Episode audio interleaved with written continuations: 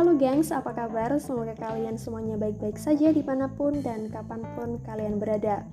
Masih di podcast bicara, kali ini Sudut Sinema bawain berita dari Nanda Subhi dengan tagline Rekomendasi film berbahasa Jawa yang legal ditonton di Youtube.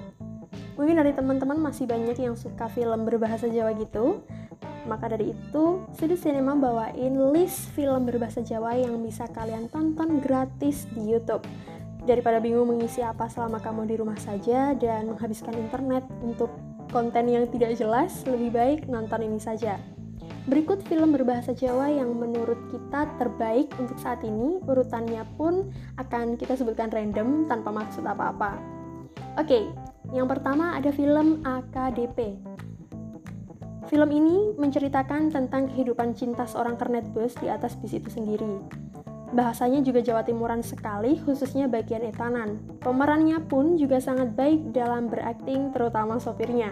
Film ini merupakan tugas akhir dari sutradaranya sendiri, yakni Mbak Eka Wahyu Primadani. Yang kedua ada Sound of Pratt. Film ini uh, bergenre humor.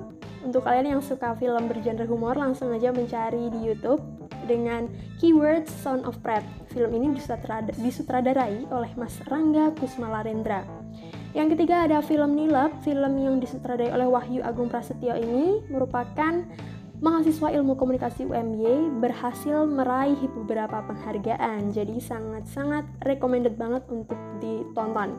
Selanjutnya ada film Lemantun Cerita film Lemantun terinspirasi dari kisah asli keluarga Uregas Banu Teja di saat malam lebaran 2011 yang putri dari Uregas membagikan warisan lemari kepada delapan orang anaknya.